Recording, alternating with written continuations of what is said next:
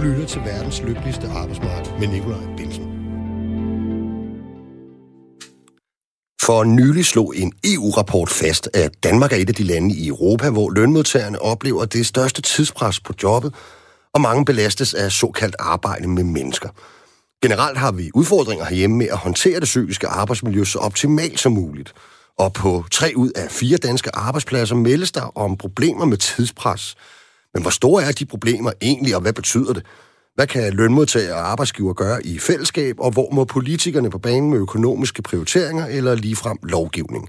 Alt det debatterer vi med arbejdsmiljøchefen fra Dansk Arbejdsgiverforening og næstformanden for Fagbevægelsens hovedorganisation i den sidste halvdel af dagens program, som vi altså har videt til vores arbejdsmiljø. Vi skal også høre fra en sygeplejerske, der sagtens kan genkende de negative tendenser fra EU-rapporten. I takt med, at vi gerne hele tiden skulle blive mere produktive og arbejde længere på arbejdsmarkedet, bliver arbejdsmiljøet naturligvis et ekstremt væsentligt fokusområde.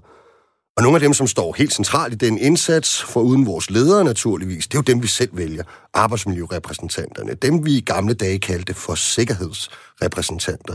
Dem, som nogle gange vælges, fordi de har vildt mange gode idéer til, hvordan arbejdspladsen kan blive bedre for alle, dem, som andre gange måske er lige den tand mere krakilske og regelrytteragtige, fordi det kan være nødvendigt, eller dem, som simpelthen bare var på toilettet, da der var valg. Vi tænkte, det kunne være interessant og sjovt at sætte arbejdsgiverne sammen med en vaskeægte AMA'er, for at tage temperaturen på, hvordan det står til med arbejdsmiljøindsatsen derude, og hvordan man egentlig griber arbejde konkret an.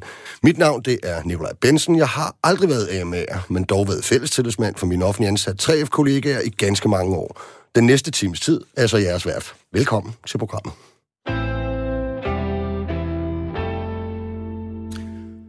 Og så kan jeg sige velkommen til mine to første gæster. Det er Christina Sode Haslund, arbejdsmiljøchef i Dansk Arbejdsgiverforening. Tak for det. Og så er der dig, Henrik Ditlevsen. Du er blikkenslager, ikke? Det er korrekt, ja. Og det er et stort verdensfirma, ikke? Det må man sige, altså. og så er du altså også øh, arbejdsmiljørepræsentant. Hvor, øh, hvor længe har du været det?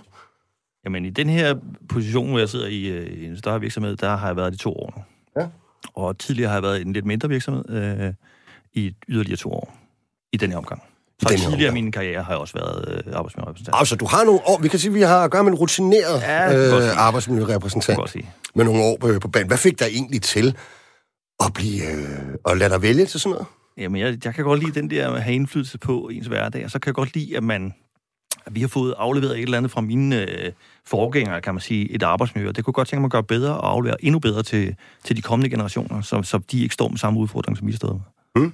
Og hvordan griber du sådan helt praktisk øh, arbejde an som arbejdsmiljørepræsentant? Jamen, det er, jo, det er jo så meget udgangspunkt i hverdagen jo, og, og de byggepladser, jeg går på. Jeg, det, kunne- jeg kunne også have været for en, for en serviceafdeling, mm. som har været en lidt anden øh, ting, men, men på en byggeplads, hvor jeg går på, der er det jo øh, det, der opstår her nu, og øh, prøve at tænke lidt længere frem, så tingene ikke opstår, så vi får løst problemerne inden, og får skabt et, et, et godt klima og en øh, dialog om det. Christina Sode Haslund, arbejdsmiljøchef i Dansk Arbejdsgiverforening. Hvad, øh, hvad får man tiden til at gå med, når man er det? Jeg kan regne ud, det er noget med arbejdsmiljø. Ja, ja, det er rigtigt. Øh, Altså, man kan sige, øh, jamen, øh, den danske model er jo den danske model er jo bygget op på den måde, at, øh, at er, vi repræsenterer arbejdsgiverorganisationerne, og arbejdsgiverorganisationerne under os repræsenterer jo så de konkrete virksomheder, mm. som er medlemmer i Dansk Industri, Dansk Erhverv osv. Og vores modpart er jo, er jo FH øh, på arbejdsmarkedet, så øh, en rigtig stor del af vores tid, øh, den går faktisk med at tale med, øh, med FH, øh, med fagbevægelsen, øh, og så går den med at tale med øh, politikerne. Simpelthen for at sørge for, at øh, det regelkompleks, der, hvad skal man sige, der omfatter hele arbejdsmiljøområdet, øh, det er sådan, at det understøtter virksomhedernes konkurrenceevne øh, øh, og samtidig sikrer øh, et øh, sundt og, og sikkert arbejdsmiljø. Okay. Og nu, jeg, jeg tænker, du netop i din stilling er meget vant til at, at beskæftige dig meget overordnet med det her, bredt, om man så må sige. Ikke? Så hvis man skulle bede dig om at tage sådan en eller anden slags temperatur på, hvordan står det til med arbejdsmiljøet og arbejdsmiljøarbejde øh, ude i de danske virksomheder, hvad, hvad, hvad vil du så sige? Jamen faktisk vil jeg sige, at det står rigtig, rigtig godt til. Hvis du øh, ser på en af de seneste opgørelser, som er kommet fra det øh, Nationale Forskningscenter for Arbejdsmiljø, NFA, har de jo sort på hvidt skrevet og sendt over til beskæftigelsesudvalget, at øh, der faktisk er sket kæmpe store forbedringer øh, i arbejdsmiljøet i Danmark, øh, hvis du bare går øh, 10, 15, 30 år tilbage i forhold til, hvor meget vi løfter, øh, i forhold til skæve vrid, i forhold til robotisering, øh, i forhold til organisering, i forhold til inddragelse af medarbejdere, øh, i at finde gode løsninger hele vejen rundt. Øh, altså, vi, vi har flyttet os utrolig meget på arbejdsmiljøet øh, de, de sidste mange år. Mm. Så det står rigtig godt til. Okay. Er det, så er det jo nærliggende at spørge arbejdsmiljørepræsentanten, om, øh, om han kan genkende den beskrivelse? Det kan jeg godt på mange punkter. Øh, der er stadig nogle ting, der halter. Øh, en ting som asbest, for eksempel, det forstår jeg ikke, at vi stadigvæk har et problem i byggebranchen. Asbest? Asbest, for eksempel. Prøv at fortælle lidt om det. Jamen, asbest øh, er jo en gammel øh, kending, som har skabt nogle problemer, som blev taget ud af... Øh, jeg tror, det var i tilbage i 70'erne, man stoppede med at bruge asbest. Men er der 80'erne? Eller?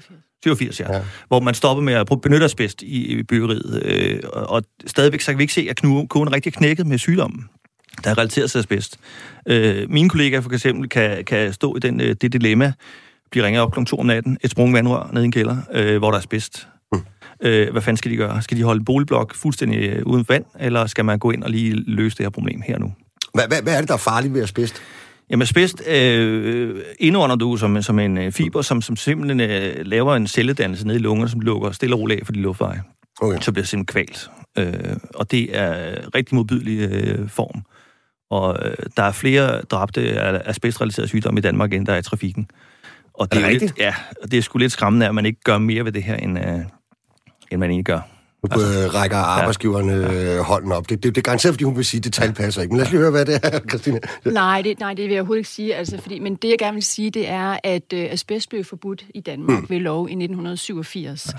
Siden da har man ikke brugt asbest nej. i bygningsmassen Så det er det, der er i gamle bygninger? Så man kan sige, man... det problem, vi står over for, det er apropos det, du stillede mig det mm. spørgsmål mm. tidligere, hvordan er tilstanden i dag? Jamen, på det her område er den faktisk god, for vi bruger det ikke mere. Det, der er vores problem her, det er sådan set, at vi har noget i nogle gamle bygningsmasser, og det er et alvorligt problem, det er der ingen tvivl om, det er det. Men vi bruger det ikke mere. Det er det første skridt. Det andet skridt, det er sådan set, at øh, jeg ved, at hele øh, byggeområdet via øh, hvad hedder det, branchefællesskabet for arbejdsmiljø for øh, bygge og anlæg faktisk altså, har lavet en handlingsplan, og det, jeg, hvis jeg husker rigtigt, og det, det, det kan jeg ikke men øh, jeg mener, det var sidste år eller forrige år, at vi faktisk lavede en handlingsplan i forhold til asbest. Hvordan sætter vi ind over for det her? Hvad gør vi? Hvordan kan vi afhjælpe det? Øh, hvordan kan man, øh, skal man indkapsle? Skal man ikke indkapsle? Hvad skal man gøre? Så hvordan skal man konkret gå, gå til værks på det her? Så, så det er en problemstilling, som vi har stor fokus på, mm. både politisk og også i organisationsverdenen. Øh, BFA'en, altså Branchefællesskabet for Arbejdsmiljø, har rigtig stor fokus på den, har lavet et asbesthus også, de arbejder med, så man kan gå ind og arbejde med derinde. Så, så det var slet ikke for at sige, at, at det var forkert, det der blev sagt, slet ikke. Det var mere bare for at korrigere og sige, at det mm. er en problemstilling. Den er for aftalen, kan du sige, det der er problemet her, det er bare, at asbest det udvikler sig over 30 år. Ja. Altså asbestlunger mm. udvikler sig over 30 år. Det vil sige, det bliver, det bliver udfaset, stoppet i 87, så er det under udfasning, men problemstillingen vil vi jo nok have nogle år endnu. Ja. Vi vil bare ikke se nogen af de, den samme mængde, vil vi ikke se fremadrettet, som vi gør bagudrettet men vi har selvfølgelig et udfordring med den asbest, der er i bygningsmassen mm. i dag allerede. Alright. Jeg skal huske at sige, at man øh, kan skrive ind til os, enten hvis man har et spørgsmål eller en kommentar til debatten. Det gør man ved at sms på 1424, skriver man R4, og så sin besked efter et mellemrum. Og øh, Henrik, hvis, øh, jeg kunne godt få lyst til at spørge dig, hvad for nogle, øh, hvis du selv skulle pege på nogle øh, resultater, som du synes, du har opnået på, på, på de arbejdspladser, du har været på, med arbejdsmiljøarbejde her, hvad vil det så være? Jamen lige i øjeblikket, så går vi på en ret stor byplads, øh, Hvidovre sygehus, øh, hvor der er rigtig mange håndværkere ud og rigtig mange håndværksgrupper. Og øh, det helt store problem på byggepladser typisk, synes jeg, det er støv. Altså byggepladsstøv, øh, kvartstøv, gipsstøv, øh, alt muligt støv. Og det kommer i takt med, at vi har hurtigere arbejde maskiner. Altså, vi, vi borer med store kopbord. Vi, gipsen bliver ikke, øh, som i gamle dage, skåret med en kniv og så knækket. Den bliver skåret med en rundsav i dag. Og det vil sige, at du har meget, meget hurtigere kørende værktøjer, der spreder støvet meget mere. Mm. Det bliver finere, øh, og, og, og kommer derfor længere ned i luftvejene øh, på, på folk. Øh, og øh, en øh, nylig svensk undersøgelse har sammenkædet øh, Øh, en øh, betændelsestendens, der hedder sarkoidose, med netop byggepladsstøv. Og man har en større frekvens af bygningshåndværkere, der får den her sygdom. Øh, og, og noget af det, vi har gjort ude på videre, det er simpelthen, at vi har lavet sådan en musketer, øh, snakket rigtig godt sammen med alle arbejdsmiljørepræsentanterne og siger, det her vil vi rent faktisk gerne gøre noget ved hos os. Mm. Så alle har ligesom kigget hinanden dybt i øjnene og siger, at vi skal skulle sørge for, at der er støvsuger på, på de hurtigkørende værktøjer. Vi skal støvsuge efter, så vi ikke efterlader de her bunker af støv rundt omkring. Så vi overlader øh, arbejdsområdet til den næste faggruppe, til et meget renere, end, end, øh, end, end øh, man ellers normalt vil gøre på en byggeplads. Mm. Og jeg tænker, der er corona vel også spillet lidt ind her, har det ikke, eller hvad? Øh, jo, lidt det er corona. Ekstra, vi, nå, vi er jo blevet opmærksomme ja. på uh, hele rengøringselementet og hygiejneelementerne meget mere, end ja. vi måske var før. Ikke? Ja, altså har jeg da oplevet på mit arbejde. Den her havde vi inden coronaen, altså allerede kørt den der. Men selvfølgelig har corona også noget at sige, men vi bliver spredt noget mere. Vi ikke har, har så meget øh, nærkontakt, at man står øh, flere håndværksgrupper lige oven hinanden. Det prøver vi selvfølgelig at undgå derude. Ikke? Få spritet af og møder på skift ind i holdene. Men, men støvet, den havde vi allerede fokus på inden. Og det, det synes jeg er en rigtig, rigtig rar ting. Mm. I starten på byggeriet, når jeg gik fra, fra mit kontor over på, på pladsen, så kunne jeg mærke øh, stødet, i, fordi der, der simpelthen er så meget i luften. Ikke? Mm. Øh, og, og efter vi ligesom har fået kigget hinanden i øjnene og har gjort rigtig, rigtig stor indsats, så kan man faktisk gå over uden at blive generet i sin luftveje. Og det synes jeg er rigtig stort på en byggeplads i dag. Mm. Mm. Hvad er dit indtryk, Christina, af øh, sådan ude i virksomheden, af hvordan samarbejdet er i, i øh, vores arbejdsmiljøorganisationer øh, egentlig, og med, med arbejdsmiljørepræsentanter og mellemledere og ledere imellem? Jamen, øh, vores indtryk er faktisk, at det vi hører fra virksomhederne er, at det generelt går rigtig godt. Mm. Altså, at øh, der er en god dialog ude på virksomhederne. Øh, man kan sige, altså samarbejde øh, i Danmark er jo ikke nyt. Nu skal nej, vi tale nej. om en EU-rapport øh, lidt senere i udsendelsen, men øh, man kan sige, at den danske model er jo bygget op via samarbejde øh, mellem det, vi kalder A- og B-siden. Mm. Så, øh, så, så det er vi sådan set rigtig gode til ja. og, og, øh, og vant til at trykke ved. Og man kan sige, ud fra virksomhedens synspunkt, ud fra vores synspunkt, så er det jo faktisk der, man finder de bedste løsninger. Det er jo nemlig, når man får den viden med, som medarbejderne har, at du får den med ind, og så laver du en ledelsesmæssig strukturel løsning på et problem. Altså, men du får den gjort konkret, så den er faktisk løser det, der skal løses ude på, på, på byggepladsen, eller, mm. eller hvor det nu er henne. Ikke? Øh, og det er vi faktisk verdensmester i, vil jeg sige, i at okay. samarbejde øh, i Danmark. Øh. Er der egentlig, kan man sige, er der egentlig en eller anden bundlinje i det her, hvor at, øh, at der måske endda ligefrem er en sammenhæng imellem det at lave et rigtig godt arbejdsmiljø, faktisk også er noget, der kaster øh, positive ting af sig på både regnskaber og andre bundlinjer i en virksomhed? Altså man kan sige, øh, der er både man kan sige, arbejdsmiljødelen, og så er der trivselsdelen, kan du ja. sige. Og nu øh, bliver det sådan meget teknisk. Men man kan sige, på trivselsdelen, der har vi jo det, der hedder samarbejdsaftalen, som sådan set er en aftale imellem øh, arbejdsgiverne og lønmodtagerne. Og mm. den er jo balanceret på konkurrenceevne, og så på medarbejderens trivsel. Mm. Og hvorfor er den det? Det er den, fordi selvfølgelig hænger tingene sammen. Og sådan er det jo også, hvis man går over på arbejdsmiljøområdet. Selvfølgelig hænger det sammen. Hvis du har en, en, en, en virksomhed, der, der arbejdsmiljømæssigt trives, hvor medarbejderne trives, du får kigget på de risikofaktorer, der er, du får taget hånd om dem, så vil du alt andet lige også have en mere velfungerende virksomhed på den lange bane. Mm. Så selvfølgelig hænger det sammen. Man kan sige, desværre er det sådan, at forskningen i arbejdsmiljø faktisk ikke rigtig har kigget så meget på det, man kunne kalde sådan arbejdsmiljøøkonomi, øh, så meget som vi godt kunne have tænkt os. Men der er der jo faktisk lige bevilget x antal millioner kroner, som jeg ikke kan huske på stående fod, til et projekt, et forskningsprojekt ude i NFA, som skal kigge på arbejdsmiljøøkonomi. Okay. Øh, og det bliver jo meget interessant, fordi at, øh, der er jo en tvivl om, man driver jo ikke virksomhed, altså for sin blå øjnes skyld. De fleste driver en virksomhed for, for at tjene nogle penge. For at tjene ja. nogle penge og for at overleve. Og, og, øh, det er også derfor, de fleste af os går på arbejde. Ja, ja, men det er jo det fair nok, og sådan, sådan er det jo. Men, men, øh, og derfor kunne det bare være rigtig nyttigt at have den her form for viden, mm. fordi hvis de fleste sådan set ved, at det, det giver en god bundlinje, så er engagementet selvfølgelig også større. Mm. Så på den måde er det, er det et, et uopdyrket øh, felt, som, som mm. øh, vi måske kunne få mere ud af at, at kigge på. Hvordan oplever du, Henrik, øh, samarbejde derude med, med, med ledere og så videre i det her arbejdsmiljøarbejde? Det, det er meget forskelligt, når det kommer fra virksomhed okay. til virksomhed. Det er, øh, hvor den mindre virksomhed måske, hvis ikke de øh, jeg kan kalde det ikke så fine i kanten, så, så undgår de, får den type mennesker, som jeg er ansat i virksomheden. Dem skiller man sig ud, og så kan man ligesom køre sit eget løb igennem. Men, men en virksomhed, hvor det fungerer, hvor, hvor man øh, lytter, der tror jeg også, at man, man, man øh, har langt lavere sygest fravær. Man mm. har medarbejdere, der øh, holder længere tid på arbejdsmarkedet. Jeg tror simpelthen, at det her det er nøglen til, at hvis man har det gode arbejdsliv, så, så holder man altså længere på det her øh, arbejdsliv. Og hvordan, hvordan er det gode arbejdsliv så? Kan vi sætte nogle ord på det sådan mere konkret? Jamen, det gode arbejdsliv er jo, hvor du øh, hverken fysisk eller psykisk bliver belastet på nogen måde, så det går ud over dit helbred. Mm. Øh, og det, øh, det psykiske, det, det skal vi snakke om senere, men, men, men det, det, det tager du med helt hjem jo. Altså, mm. det gør du også med det fysiske, men det tager bare lidt længere tid, før det kommer ind. Men det, det, der skal faktisk ikke særlig meget til at ødelægge menneske.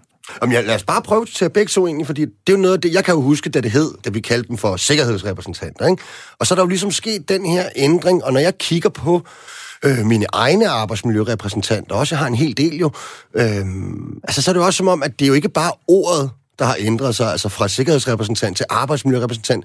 Det er jo også enormt meget, synes jeg, det de laver og beskæftiger sig med.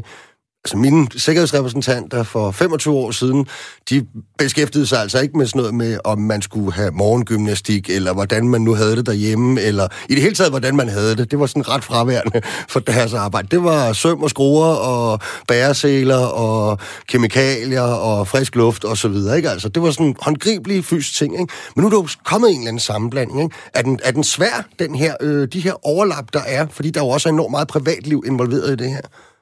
Jeg synes, den, er, den, er, den har været svær at tage hul på, ikke? fordi det der med, at øh, bygningshåndværk, det er jo typisk store, stærke mænd. Ikke? Altså, mm. det der med, at de måske godt kan føle sig Øh, mobbet på deres arbejdsplads, eller man har en, en, en tiltaleform, som måske ikke øh, altid har været skide god i byggebranchen. Ikke? Ja, altså, det, der står, det, det, er jo, det er jo også vigtigt at vide, at det, er jo, det ligger jo også meget over i arbejdsmiljødelen. Alt det her med krænkende adfærd og så videre, ja. hvor man måske i gamle dage ville det være en tillidsmand, der var involveret. Det sådan men det er jo rigtig tit, vi har det i vores arbejdsmiljøorganisationer nu, den her del af arbejdet. Ikke? Ja. Bare fortsæt. Men, men den, den kommer jo ind, den her med, med tiltageform, som, som øh, måske ikke altid har været skidegod i byggebranchen. Øh, heldigvis er der sket en ændring, at det, at man langt hellere vil samarbejde, i stedet for at have den konfrontatoriske ting til, til tingene. Ikke? Mm.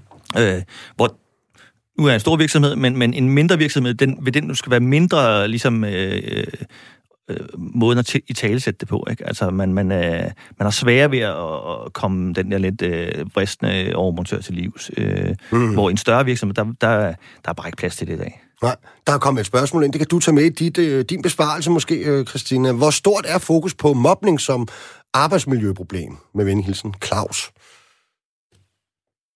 Altså generelt set, eller hvordan? Øh, jamen, øh, der er jo stor fokus på, man kan sige, altså krænkende handlinger, hvor mm. mobning og chikane, og seksuel chikane jo er en del af det, er der jo stort fokus på ude på de enkelte arbejdspladser.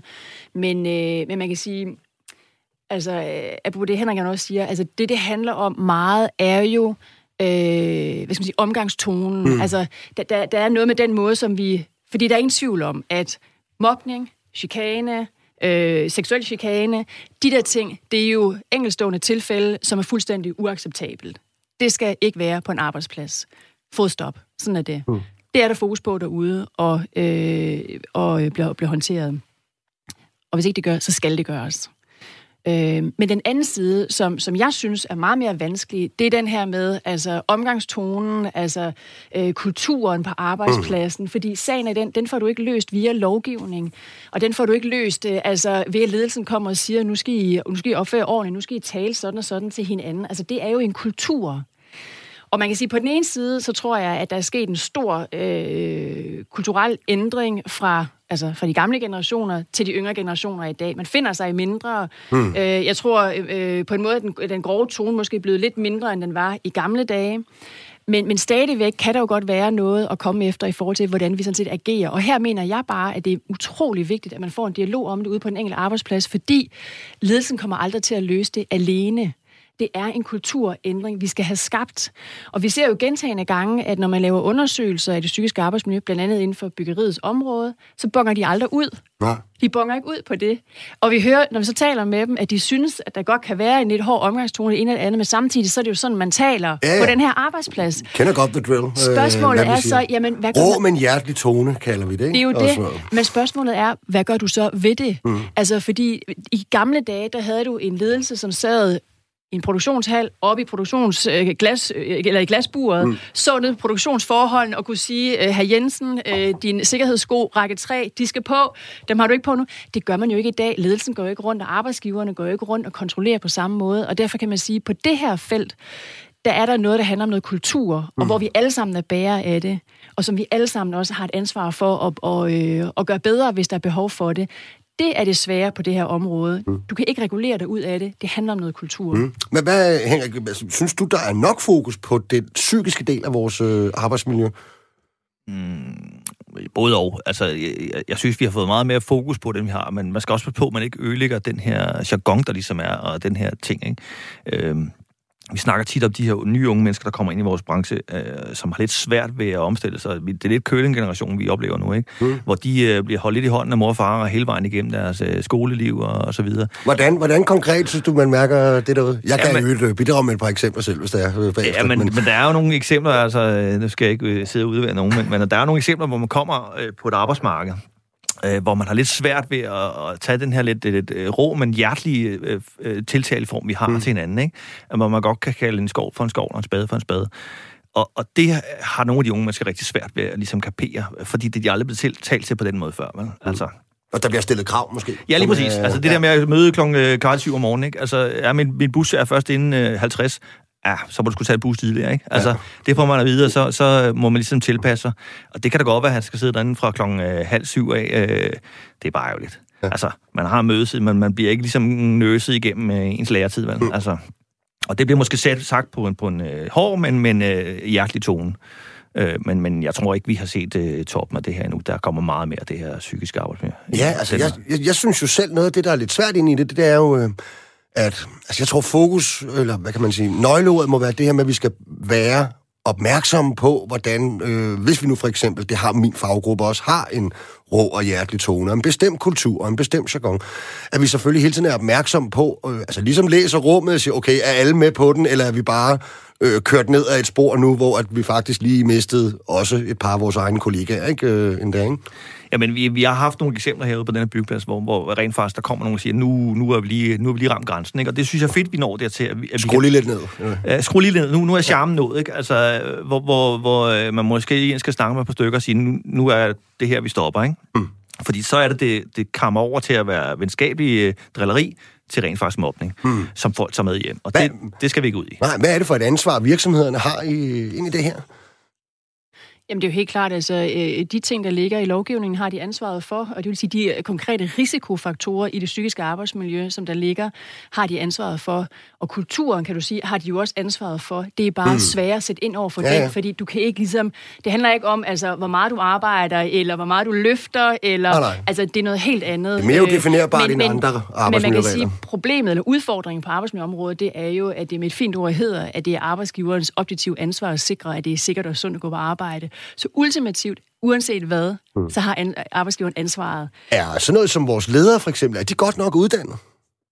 Ja, det mener jeg bestemt. Særligt til at ja. have fokus på den her del med ja. den psykiske trivsel? Det mener jeg, det mener jeg bestemt, ja. Okay. Og jeg mener, at de områder, hvor der er behov for det, der er der masser af kurser, man kan øh, melde sig til. Altså det er ikke, øh, hvad skal man sige, øh, hvad skal man sige, det er ikke fraværet af kurser eller uddannelse, man kan, man kan komme på, øh, der, der mangler her. Der er så meget fokus på det her, alle, ja. alle, alle vegne. Synes du også det? Øh... Øh, det kan godt være, de godt nok uddannet. Jeg synes bare, at øh, tit så ender de i den her tidsgryde, hvor man simpelthen ikke har tid nok til at tage sig af det. Ja. Øh, og, og øh, der er mange ting, der bliver overladt til, øh, til, til min side af bordet, kan man ligesom sige. Ikke? Hvor, hvor jeg godt kunne tænke mig, at man øh, sådan på sigt trådte meget tydeligere karakter som virksomhed øh, på nogle ting og sager. Ikke? Eller direkte produktionsleder eller overmontør. Mm. Og de, de decideret øh, fik allokeret noget tid i deres hverdag, at, at nu skal du altså bruge fem timer på det her i løbet af ugen, øh, medmindre du selvfølgelig har helt styr på din byggeplads. Øh, mm. men, men simpelthen, man sagde, at det her det er, det er et fokuspunkt, mm. øh, frem for at det hele tiden handler om økonomi og fremdrift. Øh, men også, at man havde den her del med. Ikke? Mm. Så... Man kan sige, det, det er en del af... af altså et større hele. Nu sidder vi blandt andet lige nu og øh, er ved at forhandle om det kommende AMO-system. Mm. Altså, hvordan skal arbejdsmiljøorganisationen se ud i 2030? AMO står for arbejdsmarkeds... Arbejdsmiljø, nej, arbejdsmiljøorganisationen. AMO, sagde du, ja. Ja, ja AMO, godt. ja. ja. Øh, og øh, altså, hvordan skal den se ud i 2030, eller mm. øh, hvor langt nu vi kigger ud i fremtiden? Og der kan man sige, en af de ting, som vi i hvert fald arbejder meget på, det er, øh, altså fra Dansk Arbejdsgiversforenings side, det er at få lavet det sådan, at der både er en frihed til at kunne vælge den organisering, der passer den enkelte virksomhed, samtidig med, at der er en metode, man skal benytte, det man kalder systematisk arbejdsmiljøarbejde.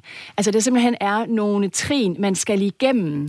Så hver gang man har en ændring i sin, i sin øh, arbejdsgang, i sin arbejdsrutine, du får nye varer ind, eller du får en ny maskine ind, eller du får nye mennesker ind, så skal man simpelthen gennemgå nogle bestemte procestrin. Altså man skal lave en risikovurdering, man skal lave en prioritering og en handlingsplan på det her øh, felt, og man skal også følge op på det, og det skal man gøre løbende, hele tiden. Så i stedet for, at man ligesom i dag skal gøre det, som det hedder, hver tredje år, du skal mm. gøre det løbende faktisk, med mange virksomheder opfatter det som om, det er hver tredje år, så arbejder vi på, at man får det lavet sådan, at det er noget, du skal gøre løbende, og du skal gøre det hele tiden, hver gang der er en ændring i din arbejdsgang eller din arbejdsrutine. Og hvis man kunne få det ind hele tiden, så kunne du også mere, måske mere få, få det psykiske ind, og du kunne måske også få noget mere tid til det, fordi så ville det være en helt integreret del af det at drive en virksomhed. Mm. Lige så vel som hvordan du styrer dit lager, eller hvordan du styrer din fakturering, din økonomistyring. Der vil være et system for det. Og det vil også gøre, at det bliver meget mere tydeligt for den enkelte virksomhed. Hvad betyder det her på bundlinjen sådan set for os? Øh, fordi du vil kunne pege ud, jamen det var sådan set den her risikofaktor. Vi fik tre nye mænd ind, og vi fik ikke lært mm. dem godt nok op, eller vi fik ikke det og det det gav sig udslag i sådan og sådan og sådan. Mm. Må, jeg, må høre, der hænger øh, arbejdstilsynet spiller vel også en væsentlig rolle i alt det her, ikke? Jamen helt klart. Øh, desværre er arbejdstilsynet beskåret rigtig meget øh, de, over de sidste mange år, og øh, nu har de fået en lille smule penge, ikke? men alligevel så, så det er ikke nok til at komme op på de standarder, der var før. Altså før i tiden kom de jo på kontrolbesøg rimelig ofte. Okay, du kan simpelthen sammenligne, altså du kan se en, ja, en ændring ja, over årene. Ja, okay, ja, det ja. Altså der, der, det har været markant beskåret, altså så de ikke når ud øh, nok på byggepladser. Øh, heldigvis, øh, der, hvor jeg går lige nu, der, der har Arbejdstilsynet nedsat sådan en, øh, en gruppe, der skal følge de her hospitalsbyggerier, øh, det offentlige byggeri. Mm. Så de, de er jævnligt ude hos os, men jeg kan jo høre fra mine kollegaer på de andre byggepladser, det er rigtig svært at få Arbejdstilsynet ud i dag, okay. i forhold til, hvad der var tidligere. Okay. Christina, kort? Jamen, jeg vil bare sige, altså det her med arbejdstilsynets bevilling, altså hvis man kigger på det, så er det ikke blevet beskåret lige så meget, som man retorisk måske kunne, kunne øh, udtrykke sig. Øh, altså, det, det, det har været et fald i bevillingerne. Det har været særbevillinger, som er faldet bort. Det, der er sket med arbejdstilsynet, det er, at de er begyndt at lave en risikobaseret tilgang over de sidste mange, mange år. Og det vil sige, at virksomhederne får nogle point inde i en indeksmodel, og det gør, at der er nogen, der, der bonger ud, og nogen, der ikke gør. Mm. Så det er i virkeligheden mere den måde at, at bedrive tilsynet på, der er afgørende for, hvor de kommer ud henne. Og så kan man altid stille spørgsmålstegn ved den metode, men det, der var før i tiden, som vi kan se, som der er data for, det viser, at arbejdstilsynet kom ud på rigtig, rigtig mange virksomheder, uden at give, til, øh, uden at give reaktioner. Og det vil sige, at de kom ud, uden der var noget at komme efter. Og mm. der skal vi selvfølgelig have et langt mere målrettet arbejdstilsyn, der kommer der, hvor der er noget at komme efter. Alright. Endnu en sms uh, kom ind. Skal arbejdsmiljøet forbedres, skal man væk fra misforståelsen af, at den hårde tone på nogen måde kan være hjertelig. Måske meget god pointe. Du lytter til verdens lykkeligste arbejdsmarked med Nikolaj Bensen. Det er lige, hvad du gør, og i dag der taler vi om det psykiske arbejdsmiljø og arbejdsmiljøet generelt hos danske lønmodtagere ude i virksomhederne. Med mig i studiet er Christina Sode Haslund, arbejdsmiljøchef i Dansk Arbejdsgiverforening, og Henrik Ditlevsen, blikkenslager af Guds Nåde og arbejdsmiljørepræsentant. Hvis du har spørgsmål eller en kommentar, så kan du skrive til os på 1424. Skriv R4, og så din besked efter dit mellemrum. Og nu skal vi vende os lidt væk fra den del af arbejdsmiljøet, som omhandler sikkerhed og de mere fysiske omstændigheder, og tale lidt mere øh, om den psykiske del, tidspres, stress, oplevelsen af ikke at kunne øh, bruge sin faglighed, løse sin opgave, eller simpelthen slå til, uden at være presset dagligdagen. Det er så noget, der opleves i de fag, hvor man arbejder med mennesker, og sådan en skulle vi meget gerne have med over en telefon. Er det rigtigt, Nicoline? Det er Nicolaj. Hej, Nicoline. Der er lidt, jeg kunne være med her på lidt afstand. Ja, Nicoline Søberg, du er sygeplejerske. Hvor er du er sygeplejerske henne? Jeg er sygeplejerske på Rigshospitalet. Ja. Hvad for en... Øh, hvad, man laver vel forskellige ting som sygeplejerske, gør man ikke? Har man ikke sådan... Jo, det er rigtigt. Jamen, jeg, øh, det skal lige sige, at lige nu, mens vi taler sammen, at jeg er på barsel. Jeg Nå, kommer ud fra... Ja, jeg har været øh, ansat ud på en medicinsk afdeling på Herlev Hospital. Mm. Og her 1. december, der vender jeg så til Rigshospitalet øhm, som operation sygeplejerske på en afdeling, som arbejder både med børn og med gravide. Okay. Hvordan vil du, hvis du sådan hurtigt skulle sige, beskrive øh, jeres, så nu snakker vi altså sygeplejersker bredt set, øh, psykiske arbejdsmiljø? Øh, ja, godt spørgsmål. Hårdt, tror jeg faktisk måske bare. Jeg vil, øh, vil sige. Det mm. kommer selvfølgelig rigtig meget ind på, hvor man er ansat henne. Nu sagde jeg, jeg er på barsel, jeg er også forholdsvis nyuddannet, og det vil sige, øhm, det er begrænset, hvor mange steder jeg har været henne. Men det er sådan, at når man læser til sygeplejerske, så er man jo i praktik forskellige steder mm. i sundhedsvæsenet, og oplever derfor også, øh, hvad skal man sige, den her travlhed faktisk stort set alle de steder, man kommer. Hvad er det, der er øhm, hårdt? Hvad er det, du oplever, der er hårdt? Jeg tror, at en af de, de sådan største problemer er simpelthen, at der ikke er tid nok til opgaven. Øhm, der er ser for mange patienter til for få øh, sygeplejersker eller for få kollegaer. Mm. Øhm, vi løber vanvittigt stærkt, og det vil sige, at opgavemængden den overstiger altså arbejdskapaciteten. Det vil sige, at man bare arbejder i en almindelig arbejdsdag på 8 timer, så vil jeg stort set altid være gået hjem og tænke, ej, der var noget, jeg ikke nåede. Der var noget, jeg ikke fik gjort godt nok. Nu er der nogle opgaver, jeg har efterladt til mine kollegaer, som de så også skal tage sig af, for uden de opgaver, de ellers har. Øhm, der er patienter, måske endda pårørende, som man ikke føler, man har fået givet en, øhm, en retfærdig behandling. Og mm. øhm, det, det, det der med at gå hjem med sådan et halvdårligt smag i munden, øhm, stort set hver dag efter arbejde, det, det giver selvfølgelig selv, at det er ikke, øhm, det er ikke super optimalt. Nej, hvor, hvor meget af det her, øh, Nicoline, handler om nogle ting, der må have sket, er sket her under corona, øh, og hvor meget er bare generelt, synes du? Jamen, nu sagde jeg som sagt, at jeg var på barsel, og det har jeg næsten været i hele corona. Nå, så du har slet ikke oplevet coronapresset? Nej. Så jeg har faktisk ikke oplevet coronapresset. Det her har været udelukkende før øh, corona, så okay. det er jo egentlig det, vi kan kalde et helt generelt problem. Mm. Jeg tror og... så ikke, at corona har gjort noget nemmere, kan man sige. Nej, nej. Hvad med, øh, hvordan er det, man oplever det der? Prøv lige at sætte nogle ord på det der med, at man kan opleve tidspres. Jamen, det er jo egentlig, og det er sådan lidt ærgerligt, fordi man kan sige, allerede under studiet, allerede når man læser til sygeplejerske, så er det faktisk lidt en del af fortællingen. Det er det jo også i medierne. Sygeplejersfaget har fyldt rigtig meget de seneste par år. Mm. Sundhedsvæsenet generelt, altså at der bliver løbet stærkt. Øh, og det tror jeg, man oplever både som medarbejder, det oplever man helt sikkert også som, som patient eller pårørende. Øhm, og jeg tror, at en af Øh, sådan et, en idé af det her med, at man kommer ind om morgenen, så får man jo tildelt et antal patienter. Øh, og det, man plejer jo at fordele rigeligt ligeligt, så øh, hver antal sygeplejersker har cirka det samme antal patienter, men der kan være stor forskel på, hvor dårlige de her patienter de er. Det vil sige, at opgaverne i løbet af dagen kan jo godt, øh, skal man sige, være, være meget forskellige. Og, mm. øhm, og der er selvfølgelig nogle ting, man skal igennem. Man skal, i hvert fald på en medicinsk afdeling, igennem en stuegang. Der skal lige en læge forbi. Der er måske kommet nogle nye svar på nogle prøver, øhm, som man skal informere patienten om. De skal selvfølgelig også ud af sengen. De skal have noget medicin, de skal have noget at spise, de skal helst op og gå eller sidde. Øhm, så der sker lige så mange øh, ting i løbet af sådan en dag.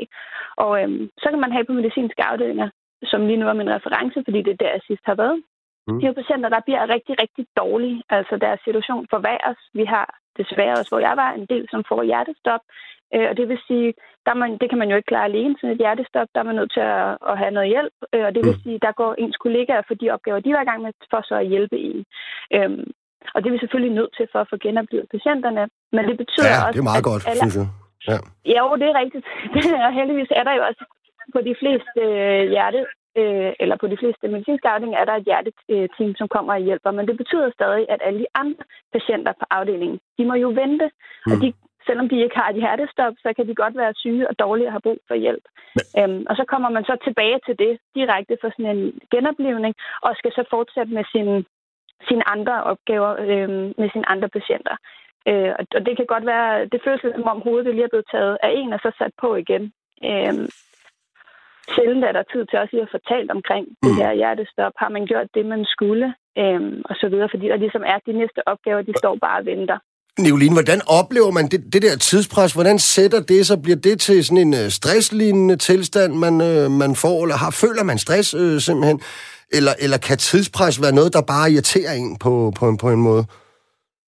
Jeg tror, det kommer meget an på, hvem man er. Og så tror jeg også, det har noget at gøre med, hvor meget erfaring man har i faget. Er man ny, så er det selvfølgelig klart, at mange mm. opgaver øhm, kræver lidt ekstra opmærksomhed. Det tager måske længere tid for mig, end det vil gøre for en gavet kollega. Øhm, så, bare lige for at sige det, så tidspres er også noget, man i, nogle tilfælde kan lære at håndtere bedre, eller der findes dårlige håndteringer af tidspres, og, gode håndteringer af tidspres, eller hvad? det lyder lidt mærkeligt, men, men, spørgsmålet ja, er vel reelt nok. Ja, ja, det er selvfølgelig meget sort Det er jo også lidt trist, at man, når man har været i i mange år, er så blevet så god til at navigere i stress, at man så håndterer det på en god måde. Det burde jo ikke mm. være sådan. Men man kan sige, selvom man som medarbejder godt kan håndtere stress, så tror jeg stadig, at ens øh, patienter, borgere og de pårørende vil have oplevelsen af nogle gange, at, at det går stærkt, og at der ikke er tid. Øhm, men det er selvfølgelig klart, at, mm. at har man været i fadet længere, der er måske også nogle ting, man er bedre til at navigere i. Altså, der vil man være mm. hurtigere til nogle ting. Der er nogle ting, man bedre kan sortere fra, og så videre. Okay. Jeg skal lige have, jeg skal lige have Henrik ind her, øh, Nicoline, fordi jeg tænker, altså, du er jo, du er jo øh, håndværker, og i vores verden, der snakker vi jo meget om det her med at være på akkord, for eksempel. Ikke? Øh, ja. Kan du ikke lige forklare lytterne dels, hvad det vil sige at være på akkord. Jeg kan godt afsløre, at det, det handler om, det er, at man går til den, øh, i hvert fald. Og derfor på en eller anden måde jo lidt selv bestemmer, at man udsætter sig selv for et vist tidspres, ikke? Øh, Ja, man kan, man kan sige, at akkord, det er jo... Øh, jo hurtigt du producerer dit, øh, dine ting, jo flere penge tjener du faktisk. Øh, og det er i sig selv øh, fint nok. Der, hvor det går galt i, i min branche, det er, når tidsplanerne simpelthen bliver trykket mere og mere sammen, for eksempel, og, mm. og, og man øh, putter flere og flere fag ind på samme område, øh, som de generer hinanden i akkorden. Så de forskellige akkorder øh, spænder ben for hinanden. Øh, det kan være... Øh, øh, projektet, der ikke er helt færdigt, så, mm. så det, det, det danner sådan nogle propper i de her flow, der kører igennem byggeriet. Mm. Øh, og det giver god mening, at man ligesom kører tømmerne igennem, og man får tør, elektrikere og så videre i nogle forskellige flow igennem. Men hvis, hvis øh, projektet ikke er klar, hvilket vi oplever mere og mere, at øh, rådgiver simpelthen ikke er dygtig nok til at lave deres projekt færdigt, så man først opdager tingene i processen, og får alle de her breaks, så bliver det et problem. Øh, og så bliver det et problem med en stram tidsplan, der, der lige pludselig ikke kan overholdes, og, øh, og man, man, øh, man, man, man tjener færre penge. Og det kommer til at gå ud over spørgsmålet. Okay. Nicoline, kan jeg lokke dig til at blive hængende på telefonen lidt? Ja, det kan du tro. Ej, det er dejligt, fordi vi har nemlig også en anden en med på en telefon. Det er Morten Skov Christensen, næstformand i Fagbevægelsens hovedorganisation. Hej Morten. Hej, hej Nikolaj. Hej, velkommen, til, velkommen tilbage til programmet. Du har faktisk været med øh, en gang før. Danmark det er jo et af de lande i Europa, hvor lønmodtagere oplever det største tidspres på jobbet, hvis i hvert fald man skal tro en af konklusionerne fra det europæiske arbejdsmiljøagenturs seneste undersøgelse af arbejdsmiljøet på europæiske virksomheder. Ifølge rapporten er det tre ud af fire danske arbejdspladser, hvor de ansatte oplever tidspres. Hvad er jeres reaktion, øh, Morten, på, på de her øh, tal? Ja, det er jo øh, dybt bekymrende, at vi ligger så dårligt, som vi gør. Altså, som du siger, så er danske lønmodtagere blandt Europas mest psykisk presset på deres arbejde. Altså, når vi måler på det her med tidspres, men også på et andet spørgsmål omkring høje følelsesmæssige krav og de belastninger, der ligger i det. Øh, og det, det er jo bekymrende, fordi vi også godt ved, at kigger vi ud i landet, øh, tager vi måske vores vennekreds, så er der næsten ikke den dansker, øh, som ikke har haft en en nær ven eller en nær familiemedlem eller en kollega, som har været ramt af stress. Mm. Øh, og det er desværre gå hen og blive øh, en form for normalitet, som vi arbejder med, og det skal vi altså have brudt op på. Okay. Hvad, øh, hvad, hvad, hvad ved vi om, øh, hvordan tidspres påvirker medarbejdernes trivsel? Der er jo stor forskel på, om vi taler om kort eller længerevarende tidspres, tænker jeg. Øh, det er rigtigt, ja. Altså det, som det, det indlæg, der var inde før, så er det også meget forskelligt, hvordan man opfatter det, og hvordan man... Øh, hvordan lønmodtagerne er jo meget forskellige, hvad det mm. angår. Øh, og jeg tror, der er en pointe også at sige, at der er jo også et, et ledelsesansvar i det her, som er meget centralt, fordi der vil være nogle øh, jobfunktioner, hvor der er tidspres, der er nogle deadlines, der er måske en avis, der skal skrives osv. Der er også nogle arbejde, hvor, hvor man har nogle høje følelsesmæssige øh, situationer, hvor man skal være tæt på borgerne øh, osv. Det, der jo er centralt, det er, hvordan man håndterer det tidspres, og hvordan man håndterer blandt andet også de andre belastninger, der kan være i arbejdet. Har man lavet nogle butikker på det, men er man også god til at, så, at øh, give luft til og give tid til, at man så kan komme sig op over øh, efterfølgende. Så, så det er jo hele pointen, det er jo, hvordan man håndterer de belastninger og de problemstillinger, der er. Og det er jo det, der gør, at vi ligger desværre rigtig dårligt sammenlignet med øh, resten af vores mm. europæiske lande. Okay, jeg synes, vi skal prøve at høre øh, Christina Sod Haslund, som jo er arbejdsmiljøchef i Dansk Arbejdsgiverforening. Hvad, hvad er jeres opfattelse af de her tal af den her rapport? Ja, man kan sige allerførst, så tror jeg, at øh, man skal holde tungen lige i munden i forhold til, hvad en samfundsudvikling og hvad er udviklingen på arbejdspladserne, og det vil sige, hvad er ledelsens ansvar, og hvad kan ledelsen gøre noget ved. Mm. Øh, og det er to meget forskellige diskussioner, og i den første diskussion ligger der blandt andet også en prioriteringsdiskussion, også i forhold til hele den offentlige sektor, sygehusene, hvordan er det, vi driver dem generelt set. den, den øh, kan jeg ikke øh, gå ind i som sådan, som øh, repræsentant for det private arbejdsmarked, men, men der ligger en diskussion der faktisk under, under alt det her. Og så vil jeg sige, så jeg er faktisk meget enig med, med, med det, Morten han siger. Øh, sagt med mine ord, øh, læser jeg det sådan her. Det er selvfølgelig bekymrende, når der er et stort antal af de danske medarbejdere, eller danske virksomheder, som den her undersøgelse i virkeligheden er frem, der siger, at de oplever et stort tidspres. Men det er i og for sig ikke et problem i sig selv isoleret set. Fordi for eksempel så er der nogle mennesker som mig selv, der godt kan lide at have travlt, og godt kan lide at have deadlines og skulle levere på. Det trives jeg med. Så hmm. det er egentlig ikke noget problem at have et tidspres. Og det er der, morgens pointe er helt rigtigt. Det, der er sagen her, det er, hvordan håndterer du den? Og det er der ledelsen, de har et ansvar, og øh, de skal håndtere der, hvor det er et problem for de enkelte medarbejdere, hvor det er sundhedsskadeligt. Og det, derfor er det meget øh, forskningsmæssigt, kan du sige, at der øh, udbygget en model, der hedder krav-kontrol. De krav, der stilles til dig, de skal balanceres af, at du også har kontrol over din egen situation. Og i det øjeblik, du har det, så er der sådan set ikke noget problem i det. Men det øjeblik, hvor der er rigtig høje krav til dig, og du har ringe indflydelse på din egen mm. arbejdstid, din egen arbejdsopgaver og tilrettelæggelsen, ja præcis, et arbejde, så har du en udfordring, og det er der, ledelsen skal gå ind og korrigere det. Og der har vi, nu har vi jo lavet en del programmer her, ikke? og et af de ting, vi har snakket med flere om, det er, at vi kan jo rigtig godt lide at helt almindelige lønmodtagere inde, ikke? og det, som mange af dem har sagt, når vi har kredset om de her emner, og som vi faktisk også ved, der er et forskningsbelæg for at sige, det er, at der er mange i dag, der oplever, altså folk, der har lavet sig pensionere, som øh, oplever, at de har, da de gik på pension, havde de mindre indflydelse på deres egen dagligdag, end det, da de startede på arbejdsmarkedet. Hvad jo for en jeg skulle lige til at sige en ung mand om så, det er jeg ikke helt, men, altså, men det, det lyder relativt vanvittigt i, i mine øjne. Hvad, hvad går det ud på? Jamen det går sådan set ud på, at vi i Danmark har et af de mest samarbejdende arbejdsmarkeder overhovedet, og det vil sige, at medarbejderne sådan set inddraget rigtig mange af de beslutningsprocesser, der er i virksomhederne. Plus når du kommer på arbejde, så er det en del af din identitet, øh, det er en del af, af din måde at være på. Du, du er øh, mange lighedstegn imellem det, de laver og, og det, de er. Hmm. Det vil hmm. sige, du, du får noget glæde, du trives. Identitet. Ja, altså, ja, og du trives ved at gå på arbejde, og det, det er dig, øh, det, er den, det er det menneske, du er. Øhm, og du har faktisk meget skulle have sagt på de danske arbejdspladser. Øh, det er helt klart, jeg er helt enig i, at der, der er nogle steder, hvor det kunne være langt bedre. Mm. Men hvis du sammenligner med, hvordan det er i Sydeuropa, eller hvordan det er bare mange andre steder i Europa, Østeuropa osv., osv. bare det tyske arbejdsmarked, som er meget mere centraliseret, hierarkisk struktureret. Vi har et af de fladeste arbejdsmarkeder overhovedet øh, i Europa, hvor at medarbejderne har rigtig stor medindflydelse. Og faktisk bare lige kort til sidst, i den rapport, som du refererer til med tidspres, har jeg lige været inde og kigge på øh, nogle andre spørgsmål og nogle andre svar. Og Danmark er faktisk et af de lande, der scorer aller, aller højst på at give de ansatte større medindflydelse på, hvordan deres eget arbejde det mm. udføres.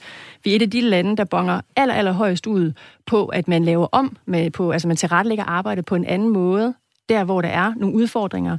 Vi, vi, vi er nogle af de lande, eller et af de lande, der scorer aller, aller højst på medarbejderindflydelse. Mm. Så der er også, Morten øh, Skov, øh, der er også nogle positive ting i den rapport i virkeligheden? Jamen, det er jo det, som Christina jo også siger, og det jeg fremhæver rigtig fint, det er jo, at den danske model fungerer jo øh, heldigvis også på, på arbejdsmiljøområdet. Altså mm. den model, hvor der er, at lønmodtager arbejdsgiver sætter sig ned og snakker om tingene og bliver involveret. Og det er jo noget, vi skal holde fast i også, fordi det netop også er den involvering øh, på, i arbejdsmiljøsammenhængen, som også giver det gode arbejdsmiljø, og som gør, at øh, de problemstillinger, der måtte være, enten det er på sygehussektoren øh, eller det er på det private område, kommer frem og bliver håndteret som et arbejdsmiljøproblem, og hvor vi så finder de øh, rigtige handlinger, der sættes i gang efterfølgende. Så det er øh, for, rigtig godt ved den danske øh, model, det vi har øh, også på arbejdsmiljøområdet. Ikke? Mm. Nicoline Søberg, øh, sygeplejerske, øh, jeg, jeg, jeg kan godt tænke mig at spørge dig om det der med, at øh, hvis alle problemer kunne løses med normeringer, og bedre normeringer, og jeg har selv siddet og skrevet på sådan nogle, øh, jeg er også offentlig ansat jo i, på, på mit eget arbejde, men hvis alle problemer kunne løses øh, alene ved det, øh, så var det jo meget enkelt egentlig, fordi så er det bare ja eller nej og en økonomisk prioritering. Ikke? Men, men er der også måske nogle ting, når vi snakker det her med tidspres, som handler om at kunne organisere arbejdet på en anden måde. At ledere og medarbejdere, for eksempel i sundhedsvæsenet, øh, kommer med nogle andre arbejdstilrettelæggelser? Altså, det, det tror jeg helt sikkert, der er. Men jeg er også nødt til at sige, at der er for få hænder. Altså, der er mange mm. på sygeplejersker. Det bliver kun mm. værre, det ved vi. Der er ikke særlig mange, der søger ind på sygeplejerskeuddannelsen. Jeg kan faktisk godt forstå det, fordi den uddannelse som sådan har jo egentlig et et meget fint, øh, hvad skal man sige, sådan rygte, men arbejdet, der følger efter, er bare benhårdt. Jeg valgte selv faget, fordi der er rigtig mange muligheder, men jeg ved også allerede nu, at, at der er rigtig mange af de muligheder, jeg ikke vil tage, simpelthen fordi der er for travlt. Øhm, og man kan sige, nu snakker Christina omkring det her kravkontrol, og øhm, det er fedt at have en deadline og sådan noget. Og det, og det kan også være fedt. Jeg har selv fortid øh, i forsvaret, og kan godt også lide noget af det der. Men jeg synes, det der er forskellen er, når man arbejder som sygeplejerske, hvis ikke man når sin deadline, så kan det bare have nogle ret fatale konsekvenser. Mm. Øhm, og nu ved jeg ikke, sagen er lige blusset op ude på Hvidovre Hospitals børneafdeling. Øhm, den her meget, meget tragiske situation med, med et barn, som, øhm, som simpelthen dør. Og, og, og det er jo ikke, fordi medarbejderne ikke har påtalt, at der har været travlhed. Det er ikke, fordi at der ikke er blevet sendt, jeg tror, det er endda syv bekymringsbreve til ledelsen, og der bliver ikke grebet ind. Så jeg synes også, det her med, at man som medarbejder giver udtryk for, her er en arbejdsgang, der simpelthen ikke virker. Den er vi nødt til at lave om på. Og man så har en ledelse, som jo også kan være presset, det er med på, men ikke reagerer. Mm. Øhm, for der virker det ikke som om, der er særlig meget medindflydelse. Men det der er, det er jo, det er ja, for det første så er det de pårørende, der skal leve med det her, men det er jo også som medarbejder, skal man leve med det her resten af livet, mm. at, øhm, at, at arbejdsgangen er så travl, at man simpelthen kommer til at overse nogle af de her faresignaler. Og det synes jeg er svært. Nu snakker vi psykisk arbejdsmiljø. Øhm, altså det, det er måske det sværeste ved, ved mit fag, synes jeg personligt, det er, at når der bliver lavet fejl, så er det rigtig tit os som medarbejdere, der skal leve med de konsekvenser. Også dem, som er så ubærlige. Så ja, der er også nogle andre ting, men i princippet så mangler vi flere hænder, vi mangler flere kollegaer. Okay, altså er, er der en pointe her, Henrik, Altså hvis man i, i, i dit fag for eksempel øh, ikke når tingene på grund af travlhed, altså så ja, det kan koste en masse penge, men øh, det er ikke sikkert, at der dør nogen, vel? Eller kommer voldsomt til skade af det, vel? Ikke? Og gør det det måske i virkeligheden lidt nemmere at både sige fra og stille krav og så videre, og faktisk arbejde med bedre arbejdsmiljø, også på den psykiske del i forhold til travlhed og tidspres og alt det her. Jeg gør det nu måske lidt nemmere, fordi det faktisk ikke er børn eller gamle eller syge eller levende mennesker, man har med at gøre på den måde. Ja, man kan sige, at den største konsekvens, hvis vi har lavet en fejl, det er, at der kommer noget vand på gulvet, ikke? og det kan man så tørre op. Ikke? Jeg skal ikke leve med, med et øh, liv på min samvittighed resten af, af min karriere. Øh, så ja, det, det er helt sikkert en indflydelse. Det tror du? Ja. Ja. Hvordan, altså, kan, kan, kan du genkende nogle ting ind i, i alt det her med travlhed og det, og det psykiske?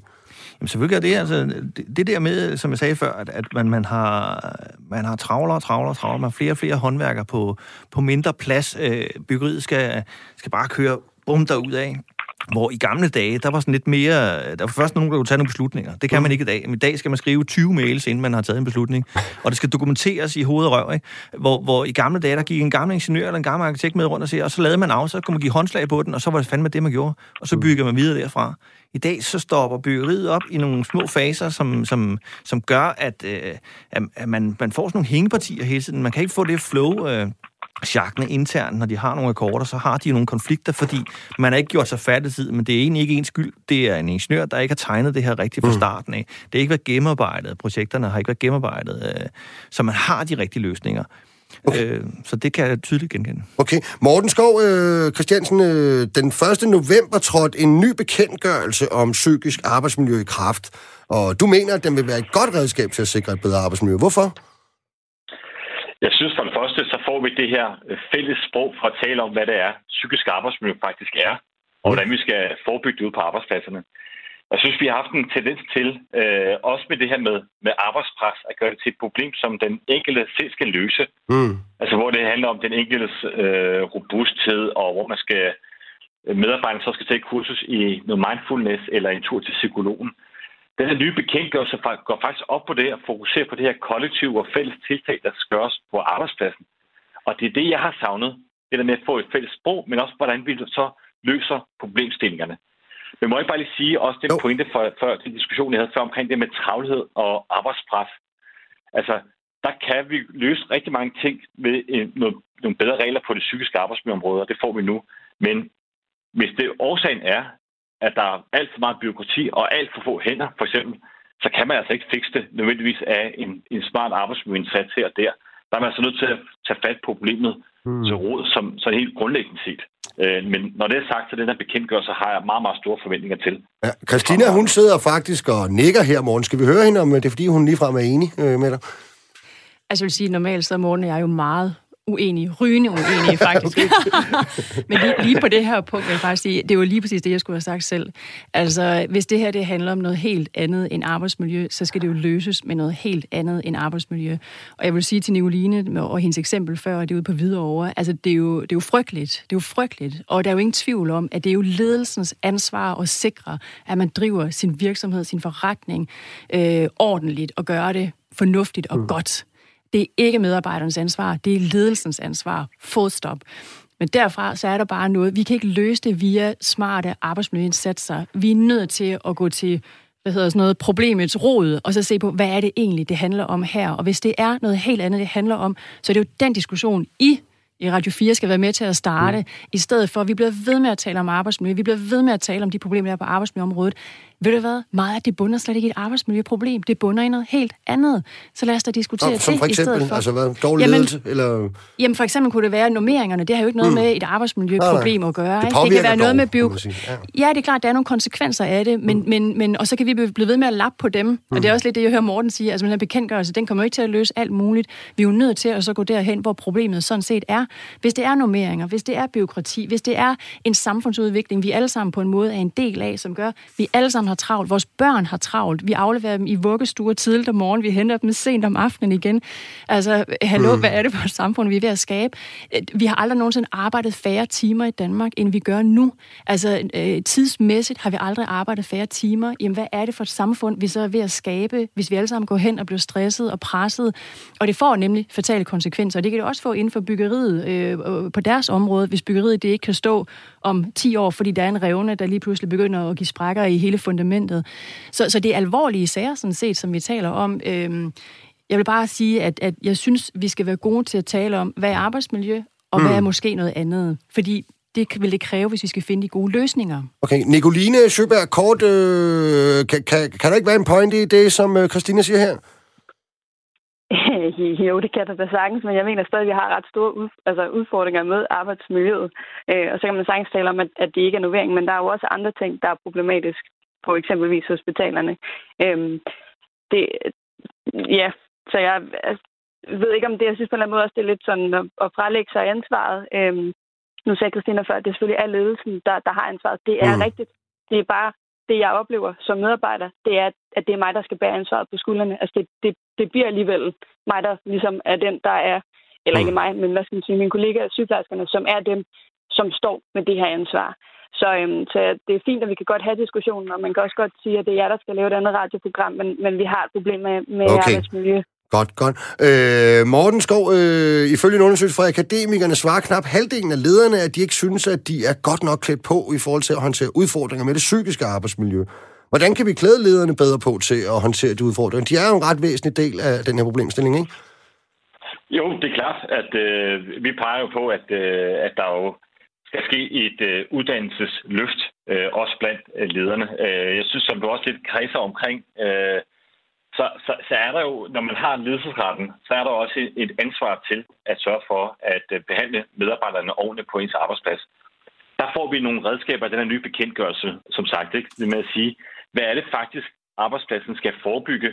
Øh, for eksempel stor arbejdsmængde, tidspres, men også det der med høje følelsesmæssige krav, og mm. hvordan, hvordan håndterer man krænkende handlinger.